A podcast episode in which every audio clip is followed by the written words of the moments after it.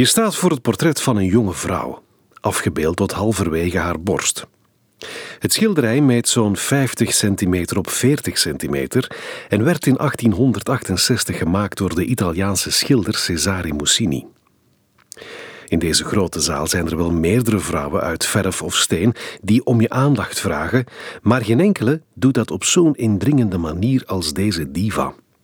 Mussini draaide zijn model driekwart naar rechts om iets meer dynamiek te creëren in een eerder traditioneel busteportret. Over haar lichaam is een lichtblauwe stof gedrapeerd die een sluier vormt over een deel van haar achterhoofd en haar rechterschouder bedekt. Haar linkerschouder is onbedekt, waardoor je een stuk van de bleke huid van haar bovenarm krijgt te zien. Hierdoor krijgt het portret een sensuele toets. Haar bleke huid en het lichtblauw van de stof contrasteren met haar donkere ogen en glanzende zwarte haar dat ze heeft opgestoken in een vlecht.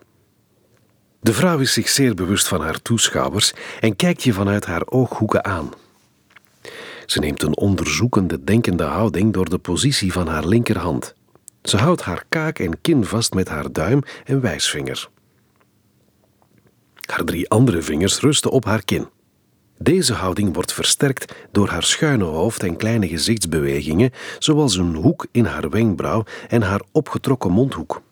Ze draagt geen sieraden, maar haar lichaam is versierd met een eerder atypisch attribuut.